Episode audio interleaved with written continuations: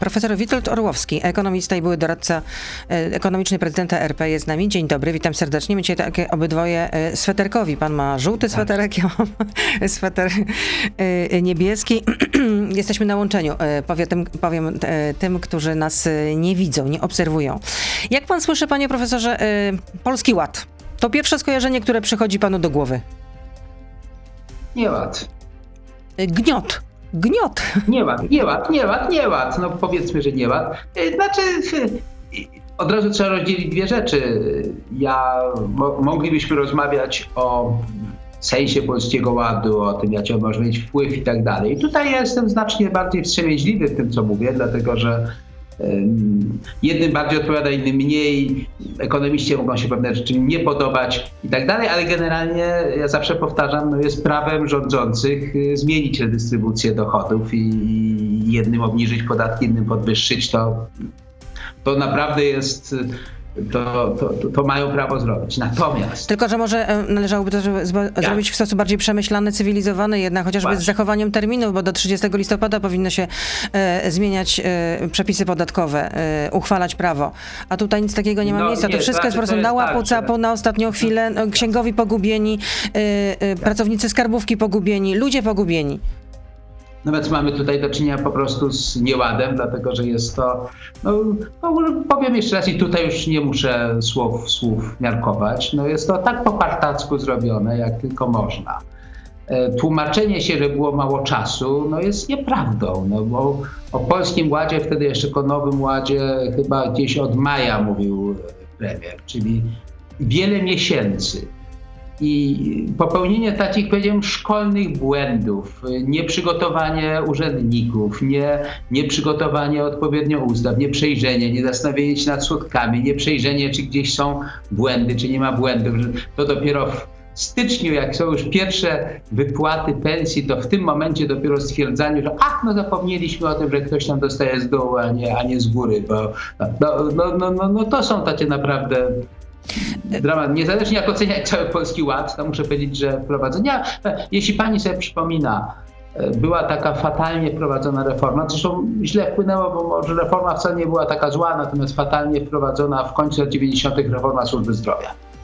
I e, mówiono najbardziej po partacku, źle, nieprofesjonalnie prowadzona reforma w Polsce. No myślę, że ta jest, ta ją przebija, a powiedziałem z punktu widzenia skomplikowania jest znacznie, to teoretycznie powinna być znacznie mniej skomplikowana niż, niż, niż, niż jakakolwiek poważna reforma służby zdrowia. To wcale nie była rzecz bardzo skomplikowana. To teraz można jest skomplikowana. To w takim razie e, bo, bo, e, też pojawiają się takie e, opinie w przestrzeni publicznej, że może należałoby tę reformę, jednak reformę podatku, zmianę w podatkach przesunąć o rok. No, to trzeba było to zrobić parę miesięcy temu, taką decyzję podjąć, jak się nie było gotowym wprowadzić w tej chwili. Czyli Natomiast- teraz to już jest po prostu mosztarda po obiedzie. A proszę powiedzieć, kto... Nie, no już jest, przepraszam, już jest prowadzona ta reforma. Teraz mamy co najwyżej problem no, pewnej, no, no nie ukrywam, no to jest kompromitujący sposób przygotowania czy nieprzygotowania tej reformy. I e, no, można, trzeba łatać dziury. Czasem, jak się wydaje, to może być łatanie nie do końca zgodne z prawem, bo jak pani sama zauważyła, e, zmiany podatkowe dotyczące podatków od dochodów mają prawo być wprowadzone w Polsce tylko do 30 listopada poprzedniego roku. Oczywiście tam jest taka furtka, że teoretycznie zmiany korzystne dla podatnika można wprowadzać też bez yy, vacatio legis, no tylko tutaj to, no dobra, no tych, zobaczymy dopiero jak wiele jest tych różnych dziur, jak wiele jest różnych, różnych e, błędów popełnionych. Zobaczymy, jak no ten bo- durszlak jest dziurawy, ale to kto tak. straci? Tak. Osoby zarabiające powyżej 12 800 zł brutto miesięcznie, tak? Znaczy, to jest tak skomplikowane i tak niejasne i, i tak y, zapisane dziwnie i tak złożony zestaw zmian, że ja bym powiedział, nikt nie jest w stanie precyzyjnie powiedzieć, kto zyska, kto straci. Ja na podstawie reguły Kciuka, którą mniej więcej sformułuję tezę, którą mniej więcej sformułowałem kilka miesięcy temu, nie znając jeszcze szczegółów, że około połowa Polaków straci, no dorosłych, około połowa zyska. Przy czym często te y, zyski, straty dla wielu będą stosunkowo nieduże. Dla oczywiście dobrze zarabiających, wysoko zarabiających liniowców i tak dalej to będzie poważna strata. Dla niski, dla emerytów z niskimi e, emeryturami, no, a takich jest jednak e, większość, to będzie poważny, to będzie poważny zastrzyk. E, no generalnie, tu może tak krótkie, ekonomiczne, to jest, no, generalnie mamy tutaj przesunięcie pieniędzy, generalnie wyższe opodatkowanie ludzi zarabiających, przeciętnie oczywiście, i przesunięcie czy aktywnych ekonomicznie, a większe, a, a, pewne wzrosty, pewna poprawa sytuacji ludzi nieaktywnych ekonomicznie. Czyli z punktu widzenia aktywizacji ludzi e, nie jest to najlepsze rozwiązanie, natomiast oczywiście z punktu widzenia polityki społecznej, e, walki z ubóstwem i tak dalej, tak. No, rząd mówi, że, że ten system podatkowy będzie bardziej sprawiedliwy i że no, no, jest podyktowany tym solidaryzmem społecznym, ale jeszcze chciałam zapytać, co to jest ten nieszczęsny PIT-2 i kto powinien go złożyć? Hmm. PIT-2 to jest y, informacja o tym, że się, tam jest parę punktów napisanych, że się tylko w jednym miejscu y, pobiera, mm, czy ma dochód tylko z jednego miejsca, że y, nie pobiera się emerytury i tak dalej. Jest ileś tam informacji. Czy człowiek taki normalny, pracujący w jednym miejscu powinien złożyć ten PIT-2 u jednego pracodawcy i y, niejako upoważnić go do wyliczania tych wszystkich korzyści, które y, się należą. No po to, że te korzyści w dwóch miejscach czy trzech miejscach nie, nie, nie, nie mieć. To jest oczywiście to dotyczy tylko zaliczek na podatek, nie ostatecznie podatku zapłaconego, ale, ale na bieżąco. Y, ale wie Pani na pytanie, a co mają robić ludzie, którzy w wielu miejscach pracują i tak dalej, to proszę, proszę, proszę mnie nie pytać, bo ja po prostu nie wiem. W tej chwili zdaje się, że Ministerstwo Finansów też tego nie wie. No, najwyraźniej kiedy zostało zapytane przez nauczycieli, co mają robić, jak w paru szkołach pracują, to też powiedziała, że właściwie to nie wie, co z tym PIT-2 zrobić. Znaczy, krótko mówiąc, tu, tu nie ryzykujemy, składając bądź nie składając PIT-2, my nie ryzykujemy, że zapłacimy na przykład większy podatek, czy nie dostaniemy jakiejś tam ulgi należnej, tylko ryzykujemy, że przy zaliczkach to nie będzie w żaden sposób uwzględnione. E, natomiast e, no, księgowi załamują ręce, bo nie wiedzą do końca, jak to, wszystko, jak to wszystko robić, więc e, proszę mnie nie pytać, ja nie jestem księgowym, więc tym bardziej nie wiem. A ja myślałam, że pan jednak tutaj wleje jakąś nadzieję w moje serce nie tylko w moje. Co, co ciekawe, jest sondaż dla Wirtualnej Polski przeprowadzony i uwaga, Polacy są jednak chyba cierpliwi, bo dobre zdanie o reformie, o tych zmianach podatkowych ma prawie połowa Polaków. No i ja już powiedziałem, że mniej więcej połowa na tym zyska, bądź straci, bądź, bądź nie będzie miała wielkich strat. Y, koło połowy będzie, będzie yy, straci, też w różnym stopniu, niektórym niezauważalnym.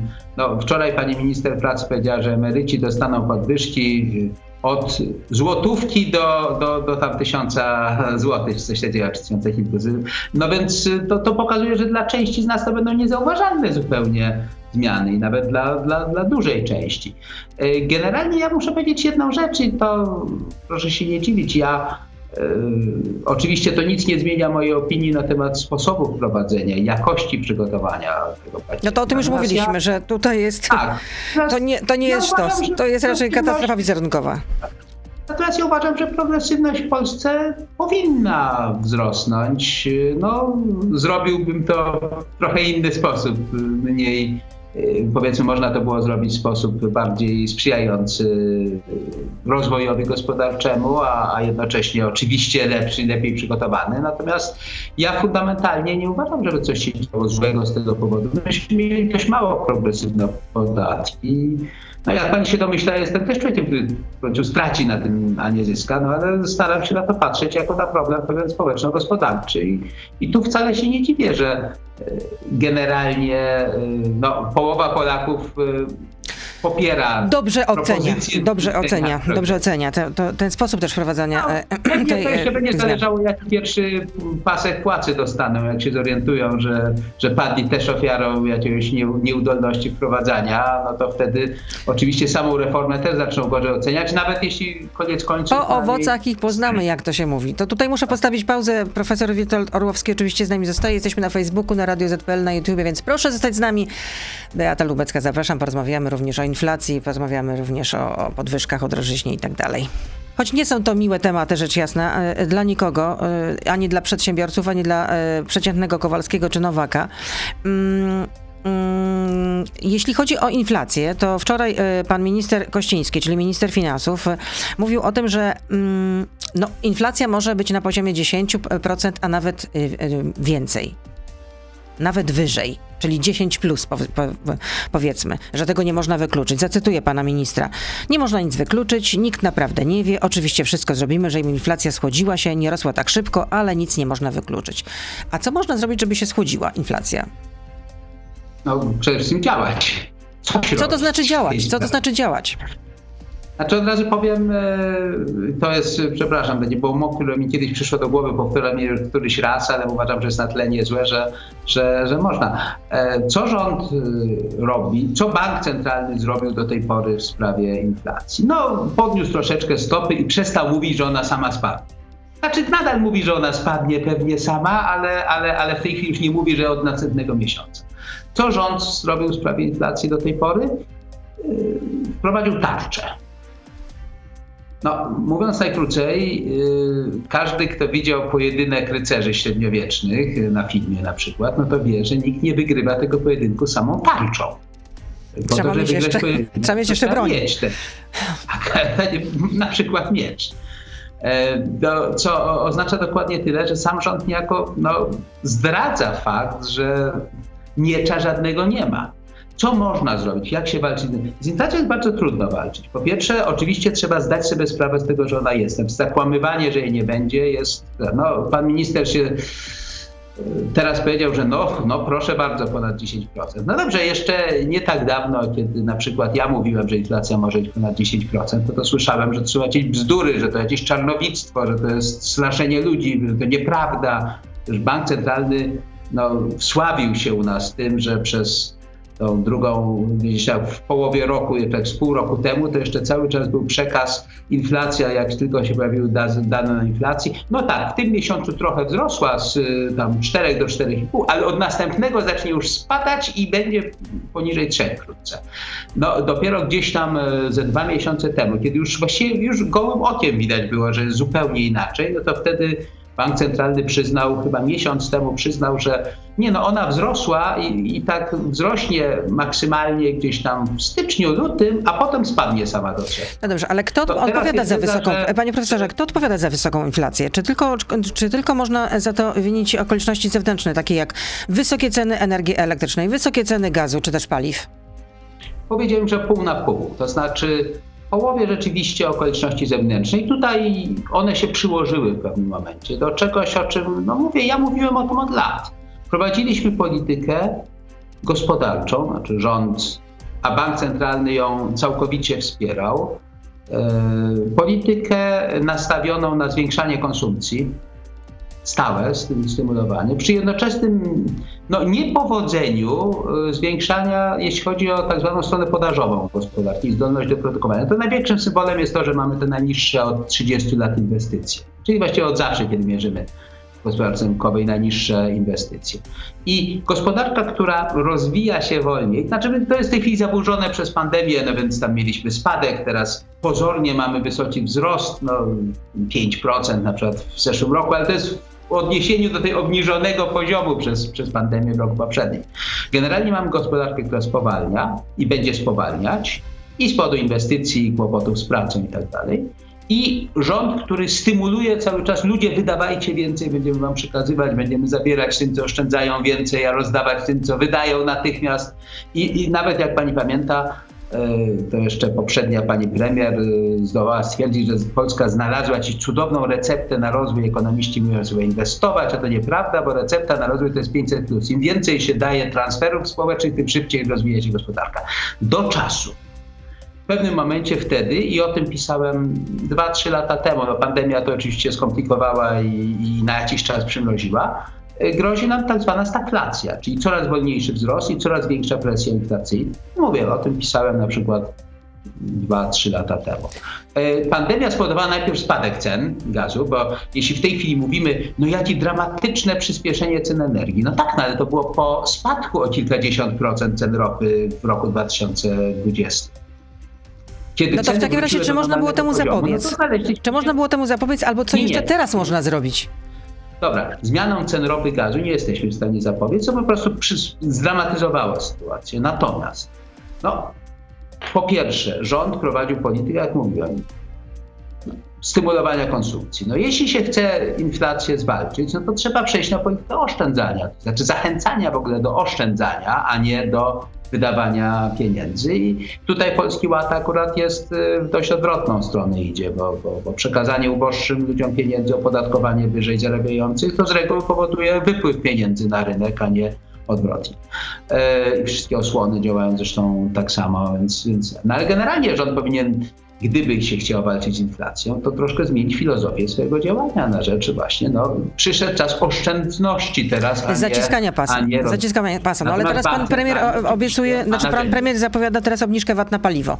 To na ile nam to, to pomoże? No pomoże na ile? No, na, na 3 miesiące, czy tam na 5 miesięcy, kiedy, na ile to będzie działało, ale kosztem, ale kosztem e, dodrukowania kolejnych pieniędzy i, i Bank Centralny ma narzędzia z kolei, żeby się przeciwstawiać temu. To są stopy procentowe. To jest ograniczanie naszej skłonności do, do, do brania kredytów i podrażania. To się oczywiście odbywa kosztem spowolnienia wzrostu gospodarczego. Tylko cały czas pamiętajmy, że mamy stopy, które zostały podniesione. Zostały podniesione z tam 0,25 na 2,25, ale przy inflacji, która w międzyczasie wzrosła z niecałych 3% do no, już prawie 9%. Czyli realne stopy procentowe mamy cały czas dramatycznie niskie. Cały czas ludzie mówią, nie opłaca się trzymać w bankach pieniędzy, no bo się na tym y, traci. No i, no i znowuż y, polityka taka podręcznikowa powiedziałaby, no trzeba gdzieś tam krok po kroku, może nie natychmiast, no bo to by w ogóle gospodarka nam stanęła w miejscu, skoro nie robiliśmy tego do tej pory. No ale trzeba podnieść stopy pewnie gdzieś tam do poziomu bliskiego inflacji przynajmniej. Czyli to by oznaczało wiele punktów procentowych jeszcze wzrostu wzrostu to, stóp procentowych, to, jeśli się to, serio walczy z inflacją. To strach się bać, jakie byłyby wtedy raty za kredyt hipoteczny. No, to kto no, byłby w stanie to bać. spłacać? Ja, wie pani, to jest, ja jedną rzecz chciałem od razu z góry powiedzieć, znaczy od razu powiedzieć, to nie jest sytuacja tak ciężka jak z kredytami frankowymi, dlatego że proszę zwrócić uwagę na pewną różnicę. Otóż jak się frank osłabiał, bo to wszystkim, wszystkim przychodzi do głowy, że powtórka z franka. Jak się frank osłabiał, to wtedy jednocześnie wzrastały odsetki i jednocześnie zwiększył się, zwiększał się ten kapitał do spłacenia. W przypadku inflacji i, stóp procentowych wyższych, wzrastają odsetki, ale jednocześnie realnie ten kapitał do spłacenia się staje mniejszy.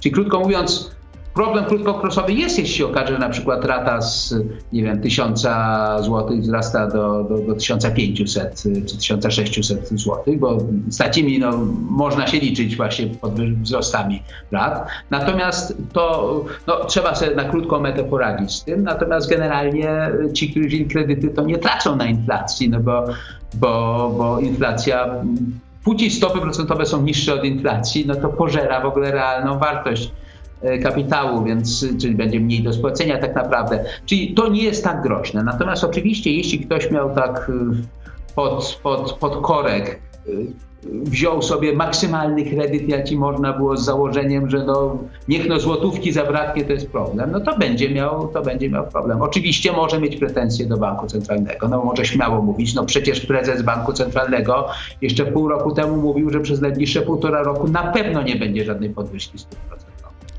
Tak? No, no to w takim razie, czy Adam Glapiński powinien zostać prezesem, tak, to w takim razie, czy Adam Glapiński powinien zostać prezesem NBP na drugą kadencję? A to proszę mnie o to nie pytać. Ale gdyby to od pana zależało. Ja wiem, że to od prezydenta zależy, chociaż tak de facto decyzja zapadnie na Nowogrodzkiej. No nie bądźmy tutaj naiwni. Znaczy jest parę rzeczy. Po pierwsze y, to od prezydenta zależy. No co, co oznacza, że tutaj co najwyżej ekonomii. To ekonomiści mówią polityka pieniężna banku centralnego, a zwłaszcza polityka tego komunikowania się z rynkiem, była ewidentnie błędna, co spowodowało spadek wiarygodności banku centralnego. To nie jest tak, że to była jakaś jedna decyzja do podjęcia, ona błędna i z tego powodu jest inflacja. Nie, generalnie nastawienie banku, niezrozumienie sytuacji, i przy tym złe, złe informowanie, również informowanie prawdopodobnie rządzących, no bo w końcu mamy budżet w tej chwili przyjęty z inflacją 3%. 3,3 3,3. Średnioroczna, kiedy, tak. Kiedy minister finansów mówi, że pewnie będzie z 10 albo więcej. E, no więc to, to, to choćby to pokazuje. Natomiast trzeba pamiętać też, że prezes nie odpowiada za wszystkie decyzje. Prezes jest tylko jednym z 10 członków Rady Polityki Pieniężnej. I e, to cała Rada miała takie nastawienie. Tam mniej więcej trzech członków Rady Polityki Pieniężnej w końcu zaczęło troszeczkę Y, nawoływać do ostrożności i do zmiany polityki, ale większość Rady Polityki Pieniężnej była absolutnie cały czas za zerowymi stopami procentowymi, za tym, że to y, walczyć z inflacją to chcą tylko szkodnicy i tak dalej, i tak dalej. Więc tu myślę, że nie można też jednoosobowo oskarżać prezesa Banku Centralnego o to, że jest winny takiej, a nie innej polityce traktowałbym to łagodnie. Natomiast ewidentnie mam pretensje do Adama, do profesora Glapińskiego o, o sposób komunikowania tego wszystkiego. Czy rozumiem, że jeżeli pan mówi, że do Adama, to znaczy, że znacie się osobiście. Do, powiedziałem do profesora, do Adama Glapińskiego, do profesora Glapińskiego. Oczywiście się znamy, natomiast nie, nie, nie, to, to, to, to nie, nie w tym sensie mówiłem. Okej, okay, rozumiem. Chciałem powiedzieć całym nazwiskiem na temat. Rozumiem.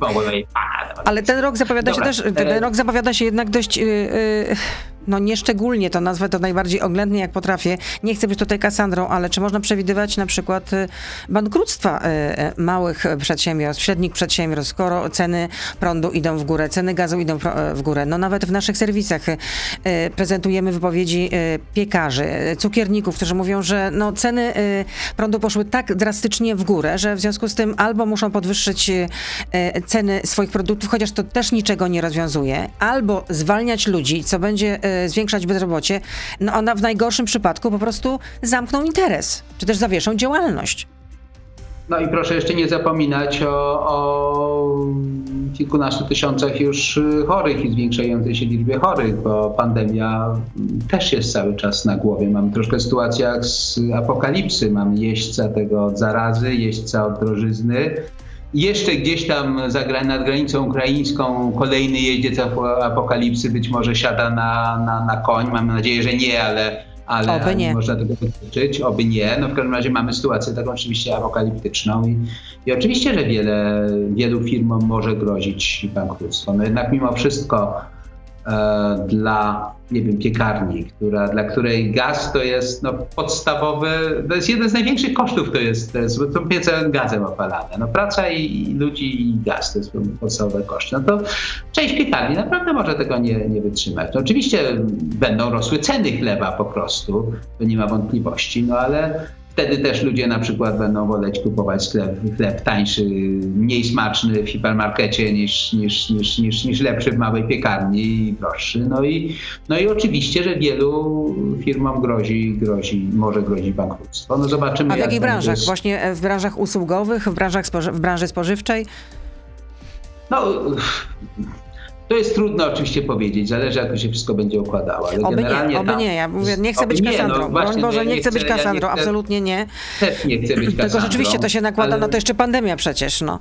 No nakłada się pandemia, więc to jest wielkie, wielkie, wielkie, wielki znak zapytania, czy nie będzie lockdownu na przykład następnego, który też by zupełnie zmienił ten układ, które branże są najbardziej zagrożone, które, które nie. W końcu gastronomia cały czas tkwi w potężnej recesji w porównaniu z sytuacją przedkryzysową, nawet jeśli teraz jest lepiej niż było, niż było półtora roku temu, no ale y, tam oczywiście też jest pytanie, jak długo wytrzymają to tam, gdzie jest wysokie, duża zależność od cen energii, od cen gazu, no rachunki te trzykrotnie zwiększone, no powiedziałem, dla piekarni, dla, to, to, jest, to jest problem. E, oczywiście jest problemem to, że drastycznie drożeją nawozy, dlatego że nawozy znowu wymagają energii ogromnej ilości produkcji, Droży, będzie drożeć cement, będzie nawet budownictwo też będzie w którymś momencie uderzone. Tutaj naprawdę jest nas w gospodarce ratuje bardzo to, że mamy silny sektor przemysłowy, który w skali całego PKB no, powoduje, że ta nasza produkcja wygląda e, czy rośnie całkiem nieźle, no ale pamiętajmy, że to jest taka średnia wzrost PKB, a to oznacza, że przemyśle jest dobrze, a w gastronomii cały czas jest, jest, jest, jest kiepsko, czy w hotelarstwie. Także Także tu trudno jest mówić, kto, jakie firmy będą, mogą, mogą bankrutować, ale myślę, że wiele małych firm może stanąć w obliczu, w obliczu bankructwa. To jest ryzyko. Może oczywiście wzrosnąć bezrobocie, chociaż tutaj mamy cały czas tę sytuację naprawdę bardzo dobrą. Mamy zerowe bezrobocie i tutaj nie sądzę, żeby to był jakiś wielki problem dla ludzi znalezienie innej pracy. Y, póki co przynajmniej, no ale generalnie, jak powiedziałem, idziemy w tę stronę gospodarki, której jest znacznie trudniej, która rośnie wolniej, a, a ceny za to rosną, rosną znacznie szybciej. Musimy niestety to przetrwać i no, zadaniem rządu i banku centralnego jest wprowadzenie tej polityki antyinflacyjnej, która generalnie oznacza, przepraszam, że to powiem, bo ekonomiści są znienawidzeni za mówienie tego, ale to oznacza politykę nazwijmy to mówiąc najogólniej, oszczędności, a nie... Zaciskania pra, pa, pasa. Zaciskania no już są wstępne zapowiedzi, że może w tym roku nie będzie, y, pod dużym znakiem zapytania stoi 14 emerytura, to znaczy, że budżetu na to nie stać.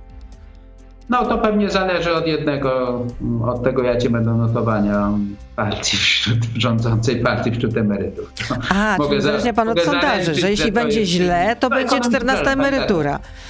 Ekonomiści nie są idiotami. Y, to znaczy, my wiemy, co się powinno robić, jakie powinny być decyzje podejmowane. My zresztą mówimy, że wiemy. To zupełnie o... tak jak z Radą Medyczną. Oni też wiedzą, jakie decyzje powinny być podejmowane, a rząd i tak robi swoje. No, trochę tak. Natomiast y, muszę powiedzieć, że w tej chwili mamy taki będzie narastający problem w finansach publicznych, dlatego że zaczęło się już coś, o czym myśmy protestowali tutaj dość zdecydowanie od przynajmniej dwóch lat. Przede wszystkim rząd zaczął ukrywać stan finansów publicznych przez te wszystkie cuda. Kiedy mniej więcej chyba dwa i pół roku temu, ja też podpisałem, 30 ekonomistów chyba podpisało list do premiera, no to usłyszeliśmy odpowiedzi od pana premiera, bardzo miło zresztą odpowiedź, że kochani ekonomiści, całkowicie się mylicie, nie ma żadnych problemów z finansami, nie będzie, nie widzicie słonia w pokoju, jak, jak nam powiedział premier na jakiejś konferencji prasowej. Więc y, no, my uważamy i myśmy mówili, że gospodarka, wprawdzie oczywiście doceniamy wiele osiągnięć, y, które ten rząd miał, ale gospodarka właśnie tak fundamentalnie idzie w kierunku stagflacyjnym, pogorszenia stanu finansów i osłabienia tak zwanych fundamentów ekonomicznych. Oj, nie będzie to dobry rok. Nie będzie to dobry rok. Jest to pytanie od słuchacza, czy gdyby jutro pan został premierem, hipotetyczny, to trzy najważniejsze kroki, które pan e, wykonał w celu zduszenia inflacji? To mi się nie zgodził przede wszystkim zostać premierem. Dlaczego mówię hipotetycznie? Ale no, dyktatorem powiedzmy. E, znaczy, jeden z tych kroków to jest oczywiście rozmowa z bankiem centralnym i powiedzenie, to jest wasza oczywiście praca, zastanowienie się w jaki sposób, no niestety stopniowo doprowadzić do normalności polityki pieniężnej, a nie utrzymywać zerowe stopy procentowe bliskie zera. W gruncie rzeczy tylko po to, na początku to było tylko po to, żeby rządowi Czyli pomóc... jeszcze podwyższać stopy procentowe? No, dobra, ja mogę z bankiem centralnym tylko rozmawiać jako premier, mówiąc, oczekuję takiej polityki pieniężnej, jaka jest niezbędna. Ale co rząd nie na przykład może zrobić? A co rząd może zrobić? No bo skoro N NBP może podwyższać, może nie podwyższać, znaczy RPP może podwyższać, nie, może no, nie będzie podwyższać? Musiała, będzie musiała podwyższać, będzie musiała zmienić w ogóle sposób komunikowania. No mówię, jeśli trzeba będzie podwyższyć stopy, to trzeba dzisiaj ludziom na przykład mówić, szykujcie się na to, że jednym krokiem nie podwyższamy, dajemy wam czas trochę, żebyście się przygotowali, ale no mówię, z tym, że powtarzam jeszcze raz, to nie są decyzje premiera, Bank centralny jest niezależny, przynajmniej powinien być niezależny. I w związku Ale, z tym, a co rząd? A co rząd w takim razie może zrobić?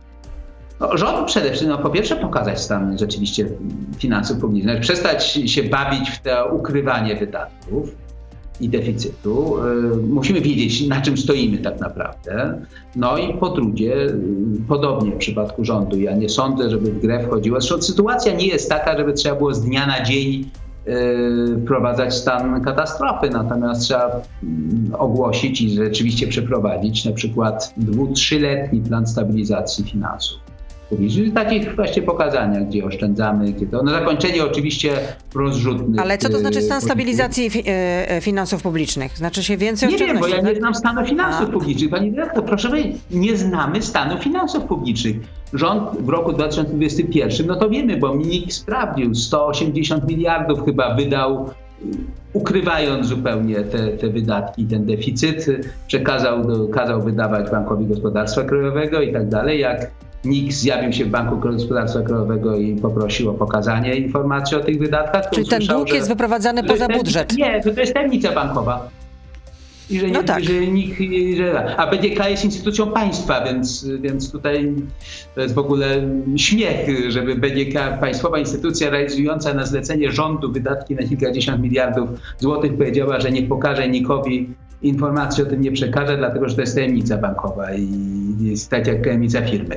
No więc y, mówiąc, no, y, trzeba spojrzeć, ile tego jest. Nie wiemy, jak w tej chwili to wygląda. Oczywiście w zeszłym, w zeszłym roku sytuacja budżetu się poprawiła generalnie finansów państwa, ale to z jednego powodu, z tego, że przyszła niespodziewana inflacja, y, dochody wzrosły tak inflacyjnie, no wiadomo jak są niższe, wyższa inflacja, wyższe ceny, to więcej jest Dochody z VAT-u, tak. Natomiast Natomiast wydatki niektóre pozostały. Dobra, jest pytanie.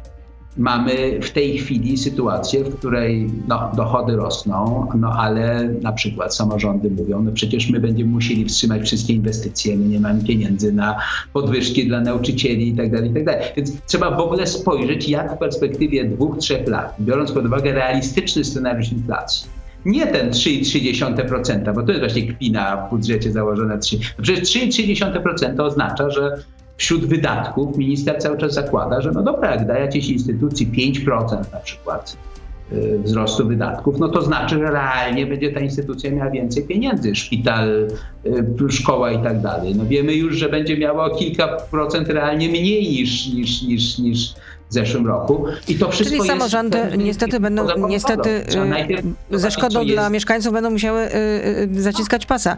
Jest kolejne pytanie od słuchacza do pana. Przemysław pyta, czy z racji posiadanego wykształcenia pan profesor widziałby siebie w roli ministra zdrowia, następcy Niedzielskiego, Adama Niedzielskiego? Nie, podobnie jak nie sądzę, żeby pani kurator oświaty nadawała się specjalnie do, do, do komentowania polityki zdrowotnej. Znaczy chciałem powiedzieć jedno. Oczywiście, że czasem pada argument, y, no jedni mówią, ministrem zdrowia musi być lekarz, inni nie może być lekarz, musi być ekonomista. Są specjaliści od tak zwanej, od tak zwanego zdrowia publicznego, czyli ekonomiści specjalizujący się w tej dziedzinie. I, i szukałbym albo y, lekarza, który ma bardzo solidną wiedzę ekonomiczną, albo specjalista od zdrowia publicznego, który ma bardzo solidną wiedzę medyczną, może nie lekarską, ale, ale o, o, o zdrowiu publicznym który mówi. Natomiast wydaje mi się, że nie będzie łatwo w tej chwili znaleźć również kandydata na ministra. Znaczy nie, no kandydata na ministra zdrowia to pewnie znajdzie się bardzo dużo, natomiast właściwego, takiego, który, którego ja bym uznał, że warto, żeby on został. Nie byłoby to łatwo nam. Jan pyta, czy pan profesor ma odłożoną na czarną godzinę, uwaga, 50 tysięcy dolarów w gotówce poza systemem bankowym? nie, ja się aż tak nie, nie, nie boję, żeby trzymać w gotówce pieniądze. Natomiast no, no że lodówce też tracą generalnie wartość. Tak jest, tak jak, tak jak wiele osób. No, no, no, myślę w jakiś sposób jednak maksymalnie tam się zabezpieczać i na różne scenariusze jestem gotowy, natomiast naprawdę nie na taki scenariusz, żeby miało, żeby miało, żeby miały system bankowy paść. Notabene czarne łabędzie się zdarzają. No, z różnych powodów, nawet technicznych, jest do wyobrażenia, że system bankowy pada, bo on działa w tej chwili oparciu o internet na jakiś czas i posiadanie pewnego zasobu gotówki nigdy nie jest y, złym pomysłem, natomiast naprawdę nie, nie przewiduję mimo wszystko tak czarnych scenariuszy, żeby trzymać, cytuję, 50 tysięcy dolarów w gotówce. A kto ma prawo do ulgi dla klasy średniej? To, o to właśnie proszę spytać Ministerstwo Finansów, które też powie, że nie wie w tej chwili do końca, bo musi dopiero No czytam, sprawdzić. że osoby zarabiające ja... między 6 tysięcy brutto a 11 tysięcy brutto, ale muszą być e, zatrudnione na etacie, bo jeśli ktoś jest, e, osiąga przychody e, z racji umów, zleceń, dzieła albo z kontraktów menedżerskich, czy też prowadzi działalność gospodarczą, rozlicza się według podatku liniowego, no to już nie skorzysta z tej ulgi. To jak rozumiem pewien polityk powiedział, że ci wszyscy to są, to, to są cwaniacy, to nie są, to nie są uczciwi ludzie, więc y, mimo, że mówimy o zgodnych z prawem y, sposobach prowadzenia aktywności ekonomicznej i tak dalej, no słyszeliśmy, że to grupa cwaniaków tylko straci. No więc y, wie pani, naprawdę pewną sztuką było tak, tak, skomplikować to wszystko, że, że samo Ministerstwo Finansów już biedni urzędnicy z izb skarbowych, którzy, mówią, którzy protesty piszą, a samo Ministerstwo Finansów mówi, że właściwie to do końca nie wie, co, co, co, co komu zrobił, ale będzie szybko poprawiać wszystko. Więc no, tak to wygląda. Niezły bigos, niezły bigos. To podsumowując naszą rozmowę, jaki nam się szykuje ten rok 2022? Tak finansowo, trudny. tak z perspektywy trudny, przeciętnego trudny, portfela. Trudny i niepewny, niestety. Jest mi bardzo przykro, że nie mogę powiedzieć nic innego. Ja nie chcę powiedzieć, że to jest rok, który jakiś, gdzie grozi nam katastrofa, bo, bo nie musi wcale tak być. Natomiast na pewno rok trudny i niepewny. Zobaczymy, jak rząd, bank centralny zareagują, bo póki co, jak powiedziałem, ich reakcja na inflację jest no właśnie, tarcza zamiast, zamiast miecza, czyli w ogóle nie widzimy, jak chcą wygrać tę walkę z inflacją. Bank Centralny będzie miał nową Radę Polityki Pieniężnej od, od lutego. No zobaczymy, jak ona będzie wyglądać, co ona będzie mówiła. No, y, już nie chcę cytować tego, co mówili y, w swoim czasie, kiedy byli mianowani członkowie poprzedniej Rady Polityki Pieniężnej, ale ekonomistom niektórym włosy na głowie dęba stawały, kiedy słyszeli te tezy, które były wygłaszane przez nich na temat gospodarki i polityki gospodarczej. No więc zobaczymy, kto będzie w tej chwili wybrany. Pamiętajmy, że cały czas wyboru większości członków Rady, no właściwie 7 na 10, dokonuje Sejm i prezydent z tej samej, jak to się określa, opcji politycznej. Natomiast wcale nie jest powiedziane, że, że, że, nie, mogą, że nie mogą być na przykład prezydency, kandydaci, kandydatami znacznie bardziej szanowanymi. No, bardzo bym, jeśli chodzi o prezydenta zwłaszcza, no ja rozumiem, że w Sejmie no, to jest ta walka polityczna, jeśli chodzi o prezydenta, no to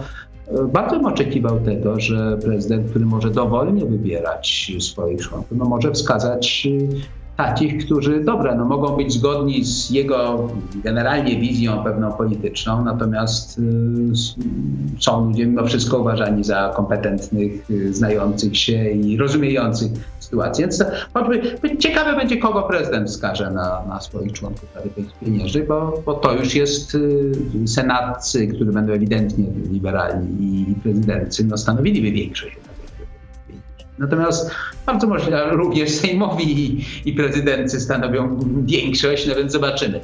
Sytuacja jest poważna i e, powiedziałem już, no niestety trudna i, i no, z ekonomicznego, z profesjonalnego punktu widzenia jestem bardzo ciekaw, co będzie się działo w tym roku, ale to jest właśnie to przekleństwo, aby żył w ciekawych czasach. Obyśmy żyli w ciekawych czasach. Tak. Zdrowia życzę przede wszystkim, żelaznej odporności, bo nam jest bardzo potrzebne. E, dziękuję bardzo. E, udanego dnia. Profesor e, Witold Orłowski był z nami, ekonomista. Kłaniam się. W pas. Dziękuję bardzo. To był gość Radia Z. Słuchaj codziennie w Radio Z i na player radioz.pl.